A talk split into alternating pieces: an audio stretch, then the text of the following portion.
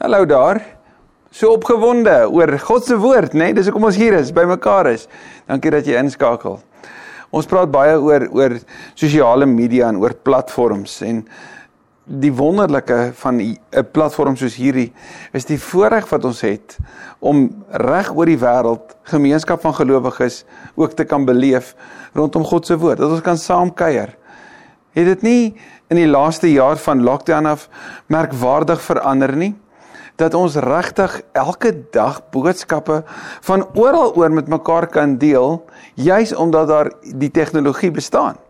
Juis omdat daar plekke soos Zoom en Teams en Skype en dis meer is waar ons mekaar van aangesig tot aangesig ook kan sien. Waar daar plekke is soos Facebook waar ons kontak kan maak en met gelowiges kan deel, waar ons God se woord kan leer en dit weer van daar af kan aanstuur vir ander. So vandag is daar net so 'n groot stuk blyskap in my hart oor sosiale media en die moontlikhede wat daarin is, oor platforms vir die vir die uitbreiding van die evangelie van die koninkryk. Dit is so lekker om te weet die Here is ook vandag hier.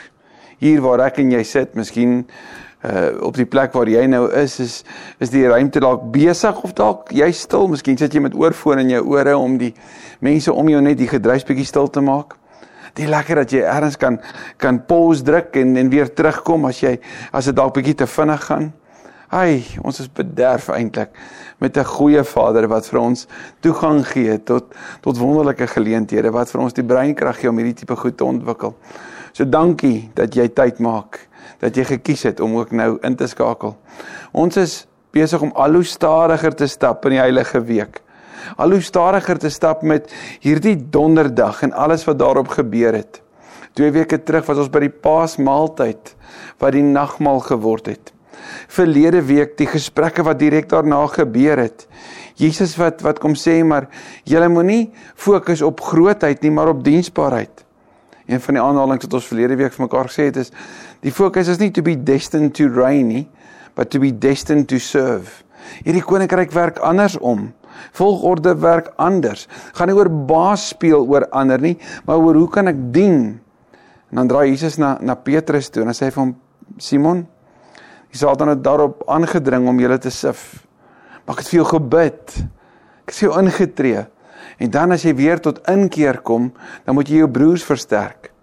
Hoe die Here sê dat Simon, my vriend Petrus, jy gaan deur 'n baie donker fase gaan. Hierdie nag, nou voor die aankraai, tussen 12 en 3 vannag, gaan jy 'n donker oomblik beleef, maar weet jy wat? Daai donker kol in jou lewe gaan jy kan gebruik om ander te versterk. Hoe wonderlik om na ons eie lewe so te kyk. En dan draai Jesus na die na die disippels toe en sê hy vir hulle maar hier's nou heeltemal 'n nuwe situasie wat voor lê. Voortaan moet julle voorberei. Voortaan moet julle saamwerk. Julle moet 'n reissak hê. Julle moet 'n beursie saamvat. Julle moet gewapen wees wanneer julle die wêreld ingaan want die wêreld is onveilig en hier dit gaan nie oor fisiese wapens nie. Dit gaan oor gewapen met die woord. Maar die mooi van die van die reissak en die beursie het gesê maar julle moet voorberei. Julle moet gereed wees. En julle moet natuurlik saamwerk en kyk net mooi hoe het die kerk dit gedoen met die verspreiding van die evangelie reg oor die wêreld. Hoe het gemeentes die werk van die Here ondersteun deur by te dra, hulle sending ondersteun het sodat die die beweging regtig ontplof het in die antieke wêreld. En hierna na hierdie gesprek stap Jesus met sy disippels die Olyfberg op. En ons gaan vandag 'n week voor Paastyd, 'n week voordat ons hierdie aand ook gaan vier. Want volgende Woensdag aand gaan gaan Fanie vir ons lei in in in 'n erediens oor hierdie hierdie kosbare donderdag aand. Volgende donderdag aand gaan Fanie dit vir ons lei. Ons het die voorreg om dit so 'n week vooraf so 'n bietjie by stil te staan. En en juist net vandag op hierdie een geleentheid in die tuin van Getsemane. Kom ons bid. Dankie Here Jesus vir u woord, dat u die lewende woord is. Dankie Heilige Gees vir die voorreg om vir so lank al in diepte te reis met Lukas. Met hierdie evangelie wat so ryk en so ruim is. Wat vir ons soveel vars inligting en in perspektiewe op die koninkryk gee. Dankie Vader dat ons kon volhard tot op hede met ons reis. Dat U vir ons geleentheid geskep het om op hierdie wyse bymekaar te wees Want van ons begeer so om te kan deel wees in in in persoon en en tog is ons deel al is ek ver. Dankie Here dat ek hierdie ook kan deel met ander. Maar vir nou, vandag vir hierdie oomblik, wees asseblief van die woord in Jesus se naam. Amen. Lukas 22 deel 3 vers 39 sê Jesus het die stad verlaat en ons het mos nou al voorheen gesien dit was Jesus se ritme in hierdie heilige week. In die dag was hy in Jerusalem besig om te leer en in die aand het hy waarskynlik Betanië toe gegaan of is hy teen die Olyfberg uit daar waar al die pelgrims, al die reisigers hulle tente opgeslaan het omdat daar nie plek in Jerusalem was nie. Die 100 000 ongeveer mense het die stad vol gemaak. En nou is daar buite dit hierdie pelgrims waar die mense gebly het. Ons sien Jesus het het uitgegaan en volgens gewoonte Olyfberg toe gegaan en sy disippels het hom gevolg. Die rol van 'n disipel is om agter Jesus aan te stap. En hierdie Olyfberg is natuurlik die die die die die plek waar ons nou 'n tuin gaan ontdek. Wanneer wanneer vers 40 sê, "Toe hy op die plek aankom, sê hy vir hulle: Bid dat julle nie in versoeking kom nie." Nou hierdie plek was die tuin Getsemane wat die ander evangelies vir ons van leer. En Getsemane beteken olyfpers. So kom ons staan net 'n bietjie stil by die betekenis van daai naam. 'n Olyf is gepers sodat die olyfolie kan uitkom. Daai olyfolie is gebruik vir vir allerlei dinge vir die vir die inseën en en en die invryf van 'n kind vir die maak van kos maar veral as geneesmiddel. En is hier in die olyfpers waar die seun van God homself gaan gee om gemartel te word, om as dit ware gepers te word sodat daar genesing kan kom vir die ganse wêreld. Daar was nie tuine gewees in Jerusalem nie, die stad was oorvol. So welvarende mense het op die Olyfberg en teen die hange van die Olyfberg tuine aangelê. En dit was waarskynlik een van hierdie hierdie welvarende persone wat vir Jesus en sy disippels die ruimte gegee het en gesê het, "Maar jy kan, jy toegang gegee het. Julle kan by by my tuin bymekaar kom." Daar in Getsemane. En wat sê Jesus vir hulle daar? Bid dat julle nie in versoeking kom nie. Jesus het gesê, ek het vir Petrus gebid. Petrus, gaan vir jou bid. En en en hier kom wys Jesus vir ons hoe ons die lewe moet leef. Ons het hierdie ritme nog die hele tyd by hom gesien. Jesus het vanuit gebed het hy gaan doen. Hy het sy dag begin met gebed. Hy het sy dag afgesluit met gebed. As hulle geëet het, het hy gebid. Alles wat hy gedoen het, is vanuit gebed gedoen. En dis een ding vir ons om vir mekaar ook te sê, ons mag nie gebed in ons lewe afskeep nie gebed in sy volle omgang. In in in in gesprek met die Here. Om te luister na God se gesprek met homself oor my het ons verlede week gehoor. In intree van ander.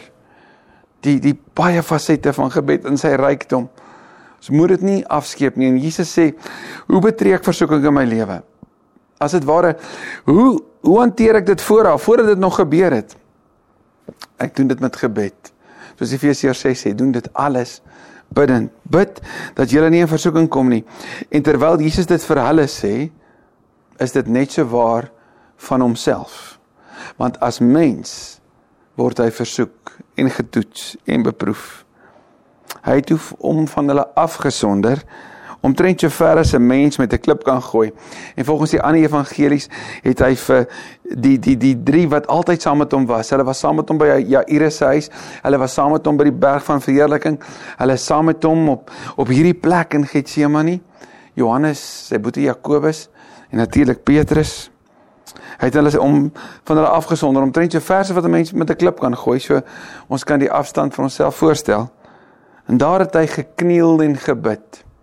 Nou tot op hede sou ons sien vanuit die evangelies en dit was ook die die Joodse manier is gebed staande gedoen. Onthou jy die gebed van die Fariseer en die tollenaar? Waar die Fariseer gesê het: "Here, ek is so bly ek is nie soos hierdie tollenaar nie." En die tollenaar op sy bors slaan en sê: "Here, wees my sondaar genadig." En toe het Jesus mos gesê: "Wie van daai twee toe hulle daarvan af weggegaan het, wie van hulle het weggegaan met 'n saak wat reg is met die Here?" Natuurlik die tollenaar want dis die houding en hier staan Jesus nie hy kniel wat iets vir ons sê van die desperaatheid van van dit wat voorlê, van dit wat in sy gemoed aangaan. Maar dit wys ook vir ons die houding wat ek en jy moet hê in navolging van God wanneer ons agter hom aanstap. Daar's 'n Engelse spreekwoord wat sê he that can kneel before God can stand up against anything. Hy wat voor God kniel kan enige toets, enige versoeking weerstaan. So hierdie hierdie posisie van van kniel. En hier sien ons Jesus se volledige mens wees. Desperaat, afhanklik van sy Vader. En wat het hy gebid? En ons sien vanuit die ander evangelies dat hy 3 keer gebid het. Lukas fokus vir ons net op een keer daarvan. Wat bid hy? Vader, as U wil, neem tog hierdie lydensbeker van my af weg. Laat nogtans nie my wil nie, maar U wil geskied. Vanaf die beker van danksegging wat Jesus letterlik paar dalk uur of wat voorheen vir die vir die disippels gegee het na 'n beker van lyding wat hy sou drink en vanuit die psalms is hierdie 'n vervulling van van van die voorspelling van wat sou gebeur. Hierdie beker van lyding is natuurlik die beker wat God se oordeel oor die sonde weet simboliseer. Dit beskryf dit. En Jesus sê hy moet dit drink. Hy sê kan ek dit vra dat U dit sal wegvat? Maar steeds nie my versoek nie. Maar U wil. Jesus bid dit in 'n tuin. Jesus, die sondelose, gaan vanuit gebed na versoeking toe. Maar daar was 'n ander tuin waarmee die Bybel begin. In die tuin van Eden is daar 'n sondelose Adam wat versoeking uit sy eie krag aanvat. En wat die baie selfsugtige woorde van my wil nie uiter nie, maar uitleef wanneer hy meer wil weet en wil beheer. En die gevolge van daai selfsugtige my wil en om versoekings uit eie krag aan te vat was die sonde en verlorenheid. En natuurlik is daar 'n Adam in my en jou. In hierdie tuin bid Jesus die onselfsugtige gebed. Kyk hy versoeking vanuit gebed in die oë. Hier het Adam verloor. Hier het Jesus gewen. Want hy gee sy wil oor aan God. Hy stel homself ondergeskik aan die wil van God. En hierdie is die grootste versoekingsoomblik, want sou Jesus sê ek sien nie kans nie, was ek en jy nie vandag gered nie. Hierdie grootste gebeurtenis van alle tye nie plaasgevind nie, is die storie van sy lyding, kruisiging, opstanding, hemelvaart nie vertel nie. Het ons nie hoop gehad nie. Hoe belangrik was hierdie gebed nie? Jesus die sondelose wat sê nie my wil nie, maar u wil. En dan sê vers 43 'n engel uit die hemel het aan hom verskyn en hom versterk. 'n Engel. Maar Jesus is bo engel. Hoe sal 'n engel wat ondergeskik is aan hom hom kan kom versterk? Dit wys vir ons dit wat Jesus gepreek het, het hy geleef. Dat die belangrikste onder julle moet soos die geringste wees. Die grootste moet die dienaar wees. Nou kom 'n 'n 'n die Here van die hemel en aarde in sy volle mens wees, stel hy homself bloot voor sy Vader en 'n engel wat ondergeskik is aan hom kom versterk hom. Hoor ek en jy die teerheid van daai oomblik. En hoekom moet hy versterk word? Want die Vader se wil was nie Jesus se wil nie. Op daai oomblik het Jesus gesê hierdie is my begeerte maar ek stel dit ondergeskik en u wil word my wil. En wat sê die Vader vir hom? Ek gaan jou versterk sodat jy deur die swaar kry kan gaan. Jy gaan nie alleen nie. Ek gaan by jou wees. Maar ek gaan dit nie van jou af wegvat nie. Die Nuwe Testament is vol van van woorde, vol van stories van gelowiges wat nie uit hulle moeilike omstandighede weggeneem is nie maar wat krag gekry het om te volhard, om vas te byt. Hoe dikwels bid ons nie dat dit makliker sal gaan nie. En is dikwels die makliker situasies wat ons geloof afbring. As ek agter Jesus aanstap en die lydenstye in my lewe my tref en ja, daar's van ons wat verskriklike lyding beleef. Dis waar. Hoor nie dat die Here sê ek gaan jou versterk. Want nee, dis nie wat hierdie beteken direk om te sê soos Jesus soos met my nie, maar Jesus het gesê dit gaan vir ons moeilik wees. So ons gaan agter hom aanstap. Maar ons kan weet ons het nie nodig om die lydensbeker te drink van God se wraak op die sonde wat hy in ons plek as sondelose lam van God gedrink het nie. Dinge wat hom versterk.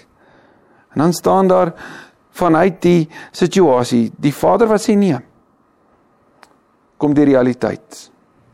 Hy het in doodsangs geraak. Die Griekse woord daar agonia. Ons kry die woord in die Engels agonizing. Dis 'n dis 'n groeiende intensiteit van van van angs. En nie angs omdat hy bang is vir die vir die Satan nie. Bang is vir wat wat nou gaan gebeur nie maar van angs omdat hy die volle wraak van God op die sonde op hom gaan neem. Omdat hy van God verlate gaan wees. Hy dood in doodsangs geraak en het nog ernstiger gebid. sien jy die groeiende intensiteit hiervan? Sy sweet. En die woord sweet nie te vinnig oor dit beweeg nie. Dis die woord sweet moet ons herinner aan Adam. Wat het Adam gehoor? In die sweet van jou aangesig sal jy jou brood verdien. Met die sweet van sy eie aangesig het Christus vir ons verlossing verdien in die tuin van die olyfpers. Sy sweet het soos bloeddruppels geword wat op die grond val.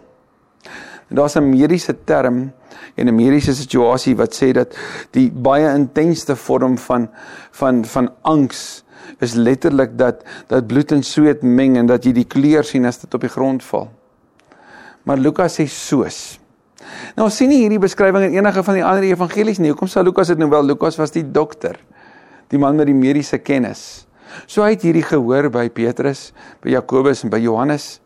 En hy vertel van van die intensiteit. So hierdie moet vir jou en my verduidelik dat Jesus was in 'n baie intense vorm van pyn op daai oomblik. 'n Groeiende vorm van van worsteling op daai oomblik vir wat voor lê van lyding in ons plek. Toe hy van die gebed opstaan en by die disippels kom, kry hulle aan die slaap uitgeput van droefheid. Geliefdes, hierdie disippels het vanaf 'n feesmaal na 'n nagmaal na 'n voorspelling van wat voorlê van donker en moeilikheid nou beweeg na die onbekende van die nag van die stilte van gebed hierdie hele reis in 'n baie kort tyd het hulle geweldig uitgeput. En droefheid hier dui op dui op die die woord wat gebruik word loop is die woord wat gebruik word vir geboorteskenk. Wanneer jy deur lyding gaan, deur swaar kry gaan, dit kan ook vertaal word met rou. Hulle was besig om te rou en ons sal later sien hulle moes ook hulle verwagtinge rou. Want hulle verwagting van Christus het op 'n heeltemal ander manier gebeur. Want wat Jesus gedoen het en wat hulle gedink het sou gebeur het, is totaal verskillend. Ons het dit hoor in Petrus se ontkenning natuurlik, nê. Nee. Van dank en fees na droefheid het hulle uitgeput aan die slaap geraak. En wat sê Jesus toe vir hulle? Waarom slaap julle? Staan op en bid. Gebed waar dit alles begin. Gebed. Staan op en bid sodat jy nie in versoeking kom nie. Want wat vir hulle voorlê is die drie stormagtigste dae van hulle lewe. Hulle gaan hulle Here gekruisig sien. Hulle gaan 'n Saterdag hê wat doodstil is wat hulle nie weet nie. Hulle gaan 'n Sondag hê van verwondering wat hulle lewe en hulle getuienis vir altyd sal verander. Staan op en bid dat jy nie in versoeking kom nie. Staan op en bid dat jy die regte keuses maak dat jy kies om nie julle wil nie, maar God se wil te kies. Staan op en bid, want wat voor lê is nie wat julle uit julle eie uit sal kan hanteer nie. Op hierdie nag in hierdie tuin gee ons verlosser sy wil oor. Op hierdie nag in hierdie tuin breek die moontlikheid van die derde tuin in die Bybel oop.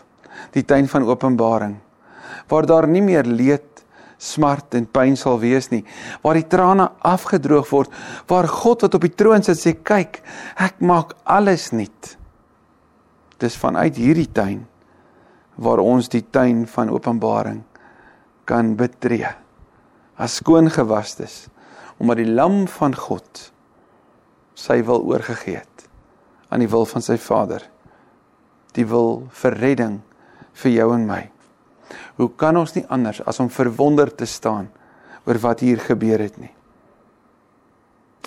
Dankie Here dat wanneer ons hieroor dink, wanneer wanneer ons die die grootheid hiervan besef en ons in stilte sit, wat ek so dat U deur die Gees die waarheid hiervan sal dit neersyfer in ons harte. Deursyfer tot in die diepste van ons wesens. Dat ons weet hoe groot hierdie oomblik in Getsemane was. Dankie Jesus dat U gehoorsaam was tot die einde toe. Dankie dat ek vandag kan weet dat U my liefhet. En as ek ooit gewonder het daaroor dat Getsemane dit bewys. Dankie dat U die die diepste vorm van lyding en angs en swaar kry beleef het in my plek. Dankie dat U my ook vandag leer bid. Bid, bid, bid. Bid sonder ophou. Ons bid dit in die naam van Jesus ons Here. Amen. Amen. Mag hierdie reis op pad na Paasfees toe, dit wat gebeur ook in jou lewe in die volgende week, mag dit in jou en deur jou seën wees tot ander. Mag ek en jy diep aangegryp word deur die goeie nuus wat regtig goed is. Mooi week vir jou.